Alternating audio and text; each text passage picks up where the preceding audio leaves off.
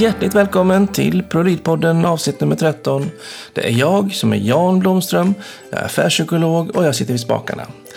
Idag är jag lite extra nyfiken på Malin Trossing, så vi kommer att få lyssna på hennes resonemang kring ledarskap och hur hjärnan påverkar kring det framförallt. Eh, hon har precis i dagarna kommit ut med en bok som heter Våga leda med hjärnan. Oerhört spännande tycker jag. Jag som faktiskt i grunden är neuropsykolog en gång i tiden och har en specialistbehörighet i just klinisk neuropsykologi innan jag jobbade som affärspsykolog. Eh, så att just de här två mötespunkterna mellan psykologi, beteenden och hur hjärnan fungerar tycker jag är oerhört spännande. Och själv ganska nördig på. Så att eh, det ska bli jättespännande att få höra Malin kring det. Eh, vill ni fortsätta och eh, följa Prolidpodden och hålla er uppdaterade kring det så följ oss jättegärna på Facebook eller på hemsidan prolidpodden.se. Eller så följer ni mig på Instagram och Twitter och där heter jag då Jan Blomström. Men nu lutar vi oss tillbaka. Vi slår upp ögonen och öronen för att lyssna in Malin Trossing. Varsågoda.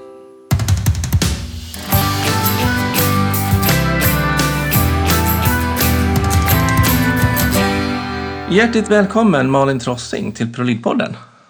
Tack så mycket. Så jättetrevligt att du ville vara gäst. Ja, det här låter ju jätteroligt. Mm. Du är ju en civilingenjör som vill få chefer att bli lite modigare. Det stämmer och, bra. Ja, och, det får ju, och så har du skrivit författare och skrivit massa böcker också, i alla fall ett antal. För mig är det massor. Eh, men jag vet att du har bland annat skrivit Våga leda modigare och Våga leda effektivare och nu så ska du komma ut, eller har precis kommit ut, med en bok som heter Våga leda med hjärnan. Stämmer bra. Så eh, du är ju liksom en av Sveriges ledarskapsexperter och skriver i massa tidningar och allting sånt där. Så att, eh, det är en ära att få prata med dig. Tack så mycket. Det är kul Men, att vara här. Ja. Så att eh, jag vill ju höra lite mer och är nyfiken på det. Så att, kan inte du berätta lite om dig själv med dina egna ord då? Vem du är och vad du står i och, och så. Ja, alltså lite grann vem jag är tycker jag att utifrån bokperspektivet och ledarskapsperspektivet är det intressant att förstå att jag är en person som älskar att förstå hur saker och ting fungerar och hänger ihop. Mm. Har alltid varit sån. Jag älskar att se mönster och samband mellan olika saker. Så du ger och, och inte liksom förrän du har fått förstått det?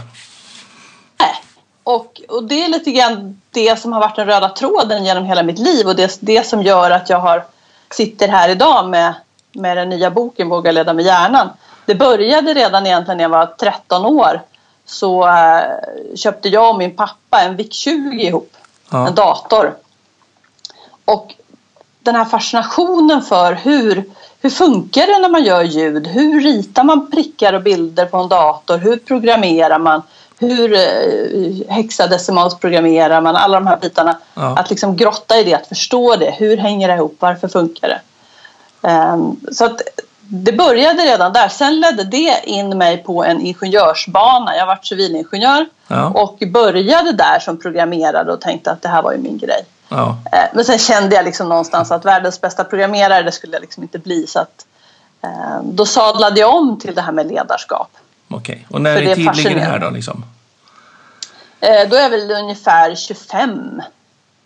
Bara. Ja, så det är ganska och, på en gång så såg du att det är ett annat spår Ja, jag hade, jag hade nog faktiskt inte jobbat som programmerare många veckor eller månader innan jag liksom... Eh, och ibland frågar folk sådär liksom, ja men hur gör man för att bli chef och hur... Liksom, för jag blev ju chef rätt tidigt. Jag hade inte jobbat särskilt länge innan jag blev först projektledare och sen chef. Ja. Eh, och, och, det var egentligen så enkelt så att jag gick in till min chef och så sa jag så här, hej jag vill bli chef. Ja. Jaha, Svårare än så behöver det ja. inte vara. Nej, man ska inte komplicera det. Och sen är det klart att det var, att det var några steg innan man kom dit för att då behöver man ju liksom först lära sig vissa arbetsprocesser. Man behöver känna, lära känna vissa människor och så vidare. Så det var ju en liksom, upplärningsprocess i det men vi startade den rätt omedelbart. Liksom. Ja. Och sen vart jag chef och sen har det varit det egentligen. Uh, har det varit ledarskap sen dess. Spännande. Och det som var grejen då när jag började som chef det är ju den här fascinationen. Hur funkar det här med ledarskap? Alltså, hur fungerar det här? Hur hänger det här ihop? Hur blir man en riktigt, riktigt bra chef? Ja. hur blir man en sån där som lyckas få medarbetarna att leverera och leverera bra resultat och må bra och, och så vidare. Ja. Och det ägnade jag då 15 år åt att, att liksom ta reda på. reda vad, ja. Ja, för det är ju liksom inte... Jag menar, man provar det, nej, det funkar inte bra. Andra gör så, det funkar och så vidare. Och så kommer man fram till ungefär vad, vad det ledarskapet är det som fungerar. Och, och, och det jag tycker är rätt intressant nu, liksom, när man ändå har jobbat med det här så många år, att, att jag kan se att i princip alla bra ledare har ett väldigt liknande ledarskap och en väldigt liknande inställning till ledarskap. Det är inte så stor skillnad utan på något sätt så har man genom åren trattat fram då liksom en, en typ av ledarskap som faktiskt funkar bra i Sverige på svenska liksom, kulturen eller mentaliteten eller vad man ska säga. Så en ganska stor del av ledarskapet är ganska universellt i, i svenska mått mätt i alla fall. Då. Ja, det tror jag. Det, det tycker jag. Att, och jag kan också jag kan fascineras av det. Alltså, då när jag jobbade som chef så kom jag fram till hur ska man göra, hur ska jag göra, vad funkar, vad funkar inte. Men jag kan ju märka det nu när jag är ute och föreläser och utbildar att, att jag träffar ju gång på gång hela tiden framförallt då kanske medarbetare, arbetsledare och så vidare som säger så att men gud, alltså, när du beskriver det här ledarskapet, det är precis så där som min chef gör och min chef är jättebra. Ja, Eh, och, och de som då inte har bra chefer, de vet ju att nej, men så där gör ju inte min chef. nej. Så det, det, är liksom inte, det är inte rocket science med ledarskap. Och det är lite grann min devis när det gäller också firman. För sen 2010 då så startade jag eget. Då, då sadlade jag om lite grann och, och blev egen. Och devisen lite grann i, i det företaget, jag har ett företag som heter Dare to Lead, Mm. Våga leda. Och det var just att, att ledarskap är inte svårt i teorin. Det är ju inte det tycker jag. nej, nej. Utan det svåra är ju att faktiskt ha modet att våga göra det. Och stå där. Då måste man ju någonstans också vara ganska trygg som människa. Tänker jag. För Ja. att kunna liksom veta att jag är på rätt plats, jag har rätt mandat, jag, jag vet vad jag vill åt för håll någonstans. Ja.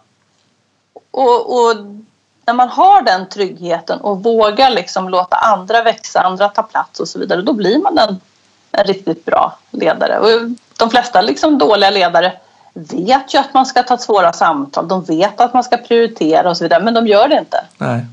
Och det är det som är min fascination. Eh, och, och just det, den här essensen blev ju liksom hur ledarskap fungerar. Det var ju det som sen har blivit de fyra första böckerna jag skrivit. Mm. Alltså så här gör man. Mm. Ganska Hur praktiska gör man i ledarskap? liksom. Ja, rätt praktiska. Ja. Ja. Men det jag kände då liksom för ett, två år sedan här, det var ju att för mig blev det lite repetitivt. Ja. Jag sa en sak och andra ledarskapskonsulter ger ungefär samma tips och råd. Och, och chefer man intervjuar, de är ju oftast de duktiga cheferna som intervjuas och de säger ju också väldigt samma sak. Ja, Så blev det lite sådär, gick lite på tomgång och då började tankarna återigen, ja men hur hänger det här ihop då? så det kommer frågan upp igen. Liksom, hur, hur ska jag förstå det här? Ja, hur, varför funkar det här? Hur kan det vara så att alla de här cheferna och ledarna gör på nästan exakt samma sätt? Mm. Eh, och det funkar. Mm. Och det var det som då öppnade den här nyfikenheten kopplat till hjärnan. Alltså hur fungerar hjärnan? Varför, varför är det så att eh, det fungerar väldigt bra när man får vara med och, och påverka och bestämma själv? Varför fungerar det väldigt bra eh, när, när man pratar om målbilder och, och, sådana saker? Alltså det är tusen olika sådana grejer. Ja. Och, och det var liksom det som då ledde fram till där jag är idag, att, att eh, skriva den här nya boken. Att förstå inte bara hur man ska göra som Utan ledare, varför sitt- utan varför det funkar. Ja. Och den kopplingen, kom, alltså den tråden är nog liksom den röda tråden i mitt liv, att, att förstå hur saker och ting funkar. Åh, vad coolt. Jag är, jag är psykolog i botten och eh, har en, eh, min bas, jag kommer ju från neuropsykologin så att jag tycker det här är ju ett... Jag har full Ah. förståelse att du gillar hjärnan kopplat till ledarskap. För det är lite grann det som är, är min, min devis också mycket. Jag jobbar mycket med hjärnskadade patienter och jag har en specialistbehörighet i klinisk neuropsykologi i botten. Och eh, Ah. jag ser ju hemskt mycket kopplingar kring det och många gånger när man jobbar med höga koncernchefer så känner jag liksom verkligen att ja, men det här det funkar för när jag jobbar med hjärnskadade patienter och det funkar lika bra när jag jobbar med koncernledningen. Men det kanske jag inte Ja. riktigt vågar säga till dem. Men det är ungefär samma, det är mycket ba- basala saker som, som man måste förstå hur vi människor fungerar. Och det tycker jag verkar jättespännande. Så jag vill jag ska verkligen höra mer kring hur tänket i boken. Men eftersom det är ett mönster i dig eh, att liksom ja. vilja förstå. Så om vi backar tillbaka till den tiden du jobbade som chef. När du verkligen mm. försökte förstå vad är, hur gör man som bra chef och sånt där. Vad fick du för stöd i det, i den processen? Stöd från? Från arbetsgivare, från, eller hur jobbade du? Hade du någon mentor? Hade du alltså, provade att testa en... själv? Eller hur gjorde du liksom? Eh, det är faktiskt så att eh, dels hade jag tur att få en bra chef som trodde på mig. Som gav mig utrymmet, som litade på att, att det här fixar du. Mm. Men sen har jag framförallt en mamma som har varit chef i alla år. Och som har varit min stora förebild och mentor. Och hon och jag har ju pratat i telefon åtskilliga timmar och, ja. och hundratusentals timmar tänkte jag säga, men inte riktigt. Eh, hon bor på Gotland också så att ja. därför har det varit via telefon. Men, men så fort det har varit ett svårt samtal så har man ringt och så har ältat det, fått massa goda råd och tips. Och, och det tycker jag är, är liksom rådet till alla som är i början på sin karriär när det gäller ledarskap. Att, att du behöver inte uppfinna det här hjulet själv för det är så många som redan har gjort alla de här misstagen och, och lärt sig alla de här sakerna. Så skaffa dig en mentor eller det behöver, kan vara en kompis eller en mamma eller en arbetskamrat eller en, någon man hittar liksom på nätet eller något. Det mm. spelar inte så stor roll. Men någon som faktiskt kan säga vad händer om jag gör så här och hur händer För det är ju rätt förutsägbart vad som händer i olika situationer och vilka olika strategier man kan använda. Ja, du, det, du sa ju att det är ingen rocket science. Och um, jag kan ju känna så också som psykolog så ser man ju verkligen att, att vi, vi är så primitiva som personer. Det är ganska ja. få basala processer som, som styr hur vi beter oss. Och, um, och då, då är vi ganska förutsägbara. Mm ja, så, att, så att det där finns mycket spännande kring det. Så att jag, jag håller absolut med att, att eh, folk har förstått saker innan de frågar. Och, men, mm. men det är också, jag tänker att många som, som, de som lyssnar också nu, att, som säkert sitter där och verkligen är chefer och vill verkligen försöka förstå och hitta de här nycklarna. Eh, och, och känner sig ensamma och vilsna i det. Men, men liksom, tipsen till dem är ju mycket just som, som att kunna få ett stöd och ett eh, tillåtande klimat runt sig. Ja, mitt, mitt bästa råd jag fick av min mamma det var ju också att, att när man väljer ett nytt jobb, man söker ett jobb, sök inte ett, ett, ett jobb bara utan sök en chef. Ja, sök ett ledarskap. Alltså, har, har du en bra chef ovanför dig så kommer det mesta att kunna lösa sig. Mm. Men har man en dålig chef spelar det ingen roll hur fint och roligt jobbet låter. För det kommer inte funka i längden i alla fall. Nej. Och jag har ju också haft dåliga chefer. Jag har ju haft en riktigt dålig chef några år. Eller under en period. Och, och liksom, man lär sig oerhört mycket men det kostar ju. Kostar ju på mentalt och energimässigt. Och, ja. Hur tydlig kan man vara till en dålig chef? Tänker du? Att man liksom, har man en dålig chef och säger att du, jag behöver det här av dig. För jag pratar mycket om att man behöver beställa sitt ledarskap. För att man har ju någonstans tackat ja till jobbet för att vara på arbetsplatsen för att prestera bra. Och då vill man ju beställa ledarskapet som får mig att verkligen prestera bra. Och där kan de ju vara lite lättrampade på tårna, framförallt om de är lite dåliga kanske som cheferna. Då. Ja. Vad har och du för ju, kring det? Alltså det är ju lite så att, att vissa chefer är det faktiskt så att det går inte att nå fram till. Och då måste man också inse det att de här eh, kanske inte kan. Så var det för mig när jag hade den här riktigt dåliga chefen. Att, att eh, det var ju liksom han lyssnade ju inte, han var Nej. inte intresserad. Men däremot så tycker jag att, att eftersom vi är individer och alla är rätt olika så är det så viktigt, precis som du säger, att jag är tydlig med vad har jag för behov? Vad har jag för behov av tydlighet, ramar och, och frihet och, och så. Mm. Så att man kan få det. Det har jag alltid varit jättetydlig med mot, mot mina chefer genom året. Att om du vill att jag ska fungera optimalt så måste du ge mig frihet. För det är enda gången jag gör ett riktigt bra jobb. Ja. Hur, och, och ofta du, får man ju det då. När du är ute på, på föreläsningar och sånt där och jobbar med kunder. Hur vanligt är det att man vågar vara tydlig i sina beställningar till cheferna? Inte så vanligt. Nej, Nej det är, man är lite... Och det är väl också, kan jag tycka, när man sitt, har suttit som chef själv. Alltså, det är lite som det här med kändisar och så vidare. Alltså, chefen är också människa. Det är inget och även höga chefer, också människor och, och liksom eh, och det är det man behöver komma ihåg att de sitter alldeles ensamma och vet inte hur de ska leda kanske. Nej. Att man då kan komma dit och ge ett, ha ett samtal och så vidare. Det handlar också om sen behöver man gå in med, med en ödmjukhet och, och liksom ha en trevlig ton självklart. Men, men att liksom inte vara rädd för cheferna, de är jättesnälla. Mm. Så gå in lite mer till cheferna var egentligen budskapet. Ja, ja, prata med varandra, det är bättre det. Ja. Säg vad ni tycker, för annars så kan jag inte... Alltså jag har alltid sagt det i min chefsroll till mina medarbetare att jag är inte en tankeläsare. Nej. Jag kan inte läsa era tankar. Om du tycker någonting så måste du säga det till mig. För annars kan jag inte göra någonting åt det. Och, och, alla chefer kanske inte är så tydliga som jag säger det. Men, men jag tycker att man ska ha med sig den... Eh, att, att så tycker cheferna. Liksom. De ja. kan inte läsa tankar. Nej. Och sen också att man som chef, när man säger det, att man också står kvar vid det. Så att man inte bara så fort man börjar få feedbacken eller frågan eller informationen tillbaka, att gå i försvar direkt. Ja. Och, och då har man ju någonstans ryckt undan mattan för länge, för lång tid ja. framöver. Men där är det också lite grann så att en av de nyckelbitarna, alltså vad är, är det som gör en riktigt bra chef? Då tycker jag att det är självinsikt. Mm. Alltså chefer som har bra självinsikt, där löser det mesta sig. Och det är precis det som du är inne på där att, att eh, om chefen säger så här bara, ja men eh, här är det högt i tak och kom till mig och tyck bara. Och inte har självinsikten att, att jag kan faktiskt inte leva upp till det här. Då, så självinsikt tycker jag är en nyckel till bra ledarskap och det ska man ta till sig som chef också. Att, att jag behöver också jobba med min egen självinsikt mm. även om det kanske svider lite ibland. Ja. Eh, det gör det ju. Men, men det är ju, tycker jag, en bra början att börja där. Och det är framförallt med sig själv man kan, man kan göra någon förändring. Inte ja. lätt att förändra andra. Nej, det går ju inte. Men, men då, då har man folk runt sig, man kan rådfråga för att kunna få fram att eh, hitta de här bra verktygen och, och göra ett bra jobb. Känner vi att liksom det är lite paketerat och ja. det är lite klart. Eh, och det finns ganska många kring det som, som är bra på att tala om bra saker. Men då är då frågan, varför gör vi som vi gör? Som chefer och som medarbetare. Och då har du grottat ner dig lite grann i att försöka förstå det med den här senaste boken. Ja, alltså vi är ju vanedjur. Alltså vi, vi är vanemänniskor. Vi vill ju göra som vi alltid har gjort. Och det beror ju på, precis som, som du vet, att, att hjärnan gillar inte förändring. Mm.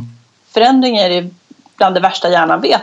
Och det ju kommer ju tillbaka till, det måste ju gå tillbaka ända till savannen för, för väldigt många år sedan eh, för att förstå det. Därför att när vi levde där så det enda syftet vi hade då var ju att överleva. Mm. Det var ju kroppen och hjärnans enda syfte, att överleva till imorgon. Ja. Och det värsta som kunde hända det var ju en förändring. För det skulle ju kunna vara en tiger i busken eller något annat farligt djur.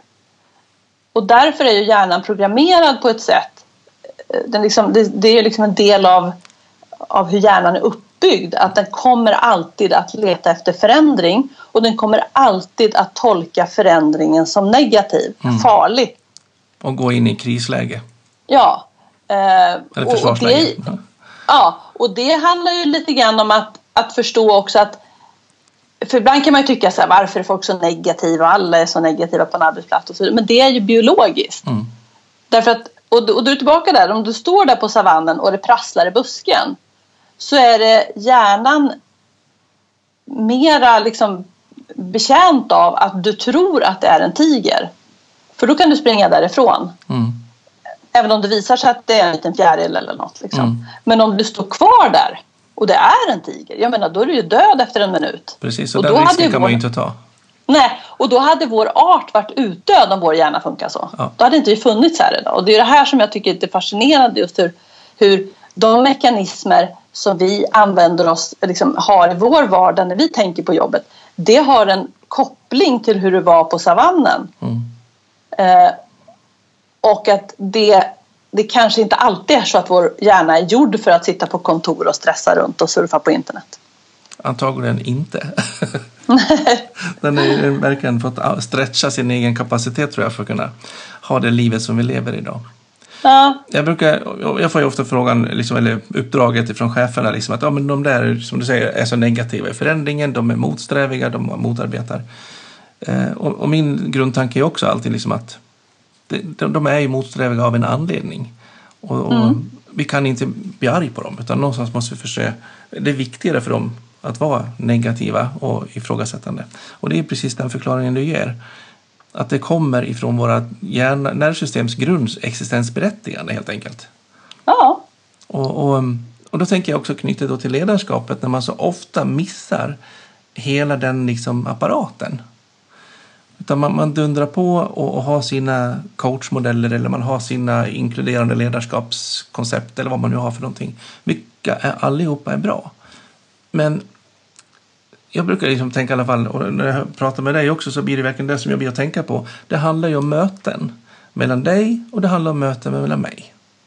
Mm. Mellan enskilda individer. Och det är där också med samtalen och dialogen är så viktiga i ledarskap. Just för att kunna liksom komma runt de här inbyggda försvarsmekanismerna som man, många har. Ja, och det är ju det som är så synd idag när folk och organisationer är så stressade för det är ju där man skär ner först. Ja. Vi hinner inte fika, jag hinner inte som med chef gå ut och prata med mina medarbetare för jag har möte nu, jag har en rapport jag måste skriva och så vidare. Men det är ju i mötet, precis som du är inne på, det är då det här sker och jag tycker att Alltså, ska man tänka på en sak när man är chef och ledare i ett förändringsarbete så är det just att förstå att mitt jobb som ledare är att få, få, få dig som medarbetare att känna dig lugn och trygg. Mm. För, de, för det är precis det som händer. Jag kommer med en förändring, medarbetarna blir rädda för hjärnan är funtad så. Då är ju mitt jobb att lugna. Och det kan jag ju bara göra om vi möts. Ja. Jag kan ju inte skicka ett mejl och säga så här, ni behöver inte vara oroliga. Utan jag behöver ju också förmedla det med kroppsspråket och med, med orden och känna in vad är det just du är orolig för och så vidare. Mm. Så att, och det tror jag är en av problemen i dagens samhälle att vi då har rationaliserat bort mycket av de mötena. Och, och sen har vi lite grann också organisationer där man ibland där medarbetarna känner sig rätt rädda och osäkra. Och det skapar ju stress. Mm. Och då presterar, och det vet ju också hjärnan, alltså den hjärnan är i stress, ja men då slutar ju alla de här logiska funktionerna i hjärnan att fungera. Mm. Och så gör man ett sämre jobb. Mm. Och där kan vi också knyta det, tänker jag, till, till, till savannen. För så länge savannen är förutsägbar så skapar det en trygghet. Men varje förändring eller liksom rörelse i busken eller ett ljud gör ju att tillvaron är oför, oförutsägbar. Alltså mm. förenad med fara. Och så går man och triggar igång försvarsmekanismerna som låser och blockerar eller flyr och, och liksom går till en primitivare aktivitet. Och detsamma tycker jag man ser i organisationerna när man liksom inte vet riktigt vad målbilden är för att man inte varit tydlig nog. För det är en av dina böcker när du skriver om att, att våga vara tydlig så, så är ju verkligen att är man inte tydlig så blir det en osäkerhet. Vart är vi på väg? Vart ska vi? Eh, vad är det som gäller? Och det med konsekvens, att man liksom vet att varje mitt agerande får samma typ av konsekvens varje gång. Och att inte det är olika beroende på vilken dag chefen har, eller vad det nu kan vara. Så att just den här långsiktighet, förutsägbarhet och även om jag ska vara förutsäg, så liksom kan förutsäga att jag inte kommer att kunna förutsäga något är ju också en förutsägbarhet. Och jag jobbar mycket med, med räddningspersonal som jobbar med trafikolyckor tidigare. Och eh, jag har ett exempel där, där liksom, för de är alltid, när de åker ut så vet de inte vad de kommer till för olyckstillfälle och hur det kommer att se ut där. Och, men då är de ju liksom mentalt med och kan liksom veta, liksom förbereda sig på att man inte vet och är förberedd. Och så kommer de fram dit och så griper de an situationen. Och det där kan man ju hantera och bearbeta rent psykologiskt efteråt på ett mycket, mycket bättre sätt. Och så jobbar jag med en som var privat, var ledig och gick vid landsvägen och så var det en jättestor frontalkrock med ett antal döda och så i, i olyckan. Så han kom ju rakt fram och, och liksom var mitt i situationen. Hade ingen möjlighet att liksom förbereda sitt mentala, alltså den hjärnan, att förbereda sig för att kunna tolka situationen.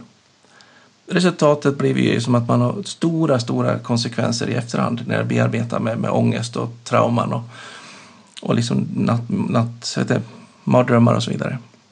Just därför att man inte hinner ställa om nervsystemet för att kunna hantera en viss typ av situation. Vad intressant. Och det där är ju, finns ju en del forskning på också, liksom hur man liksom verkligen behöver förbereda och liksom sätta hjärnan i position för att kunna gripa an en viss situation. Och ehm, det där har vi ju, tycker jag, jättemycket liksom, teorier till, tror jag, som, som ur nervsystemsperspektivet när det gäller det här med just att skapa förutsägbarhet, skapa delaktighet i förändringsprocesser ute på arbetsplatser och så. För att det man gör är ju när man talar om vart vi ska, hur vi grovt ska gå dit, eh, de strategiska delarna med varför vi inte kan fortsätta som vi gjort nu utan det har hänt saker i vår interna värld och vår externa värld som gör att vi måste ändra vår organisation eller affärsidé eller vårt sätt att jobba eller hur det nu ser ut. Det gör ju att vi triggar och lurar vår hjärna att tro att någonting annat kommer att vara mer konstruktivt och sen när man är mer positivt att gå in på det spåret. Och sen kan jag tycka också man ska komma ihåg att ofta när vi kör förändringsarbeten och så så är det så att cheferna sitter på sina konferensrum och planerar det här kanske några veckor innan. Mm. Och så har de mentalt haft den här omställningstiden som, som eh, de här räddningspersonalen har. Ja. Och så kommer de ut till medarbetarna och så presenterar de förändringen och så blir de förvånade att inte medarbetarna jublar. För då är det precis som, då, som när den här räddningskillen kom, kom eh, ja. rakt in i krocken. De har inte haft någon tid att ställa om och förstå det här. Nej. Att man behöver också förstå att, att det här tar lite tid att landa. Ja. Och att man som chef har, har redan haft den tiden.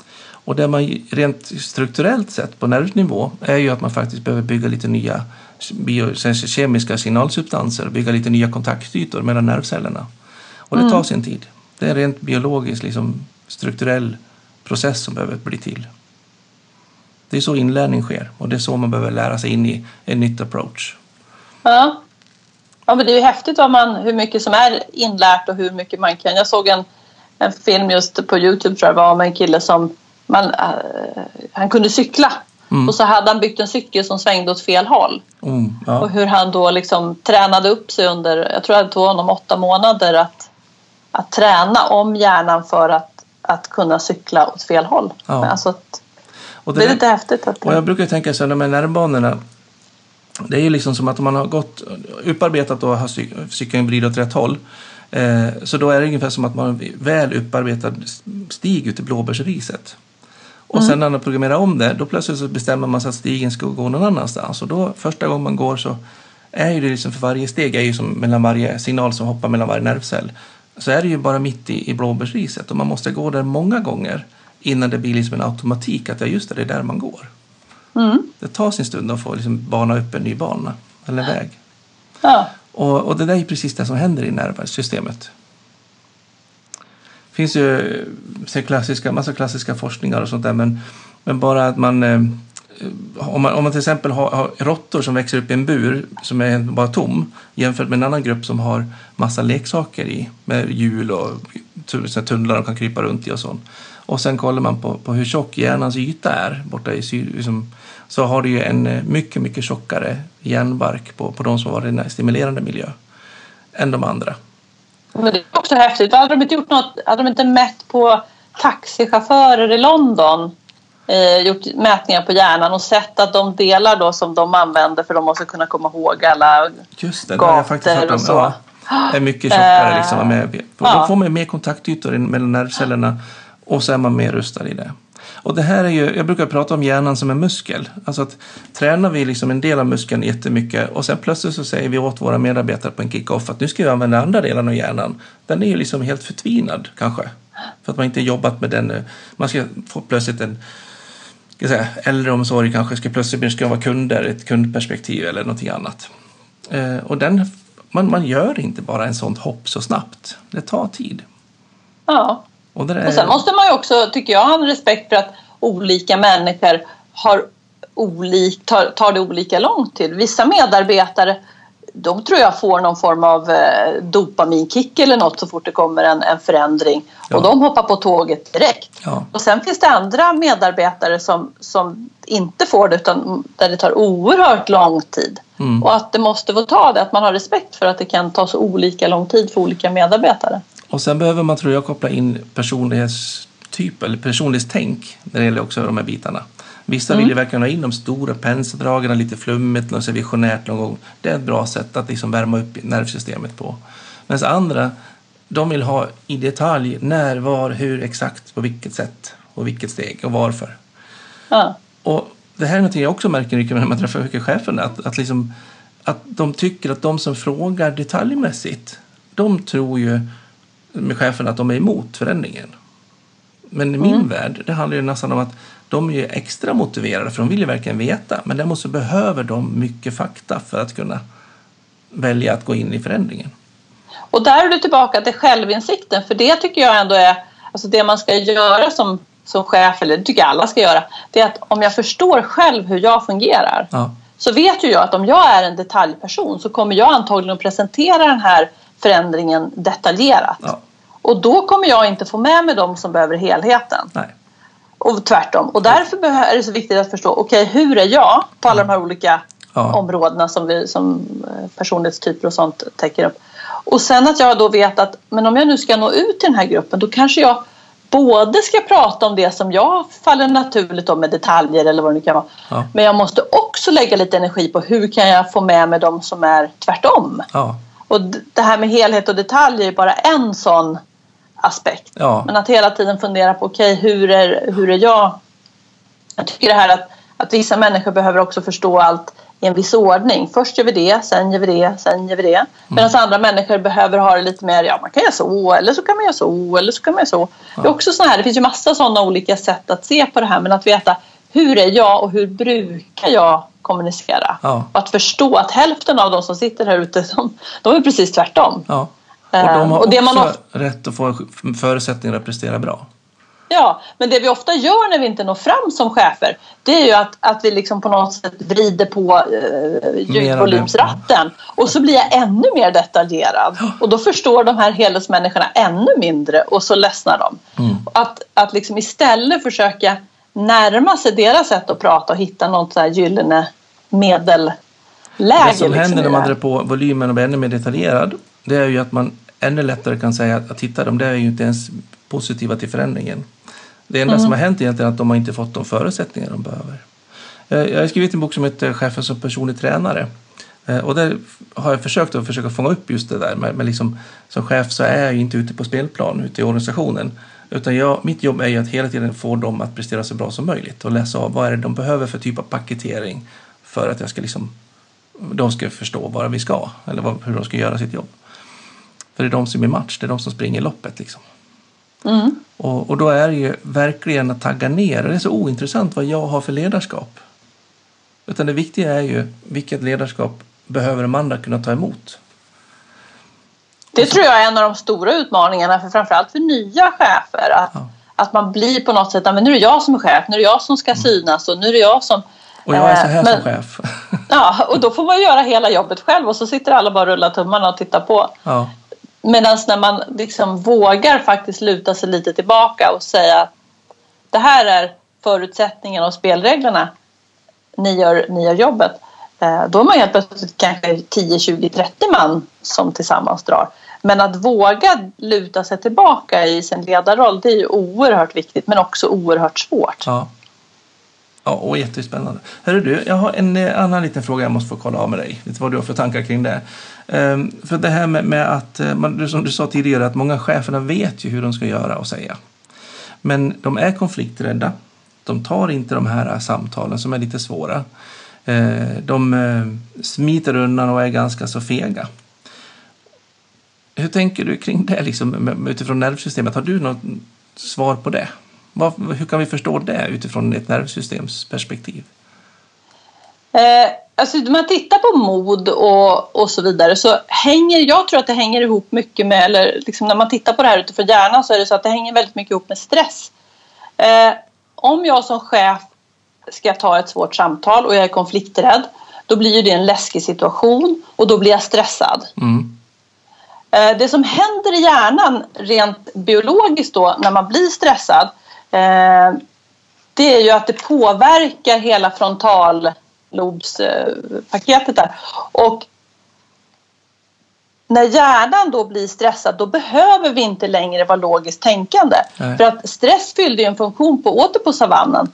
Eh, och det var ju att när, när det kom en farlig tiger så skulle vi springa snabbt ifrån dem. Mm. Och då behöver vi inte vara logiska. Nej, då bara springer man. Då gäller det bara att springa och därför är det så att när vi blir stressade, som vi ofta blir, för, för mod handlar ju om att göra saker man är rädd om, Mm. är rädd för.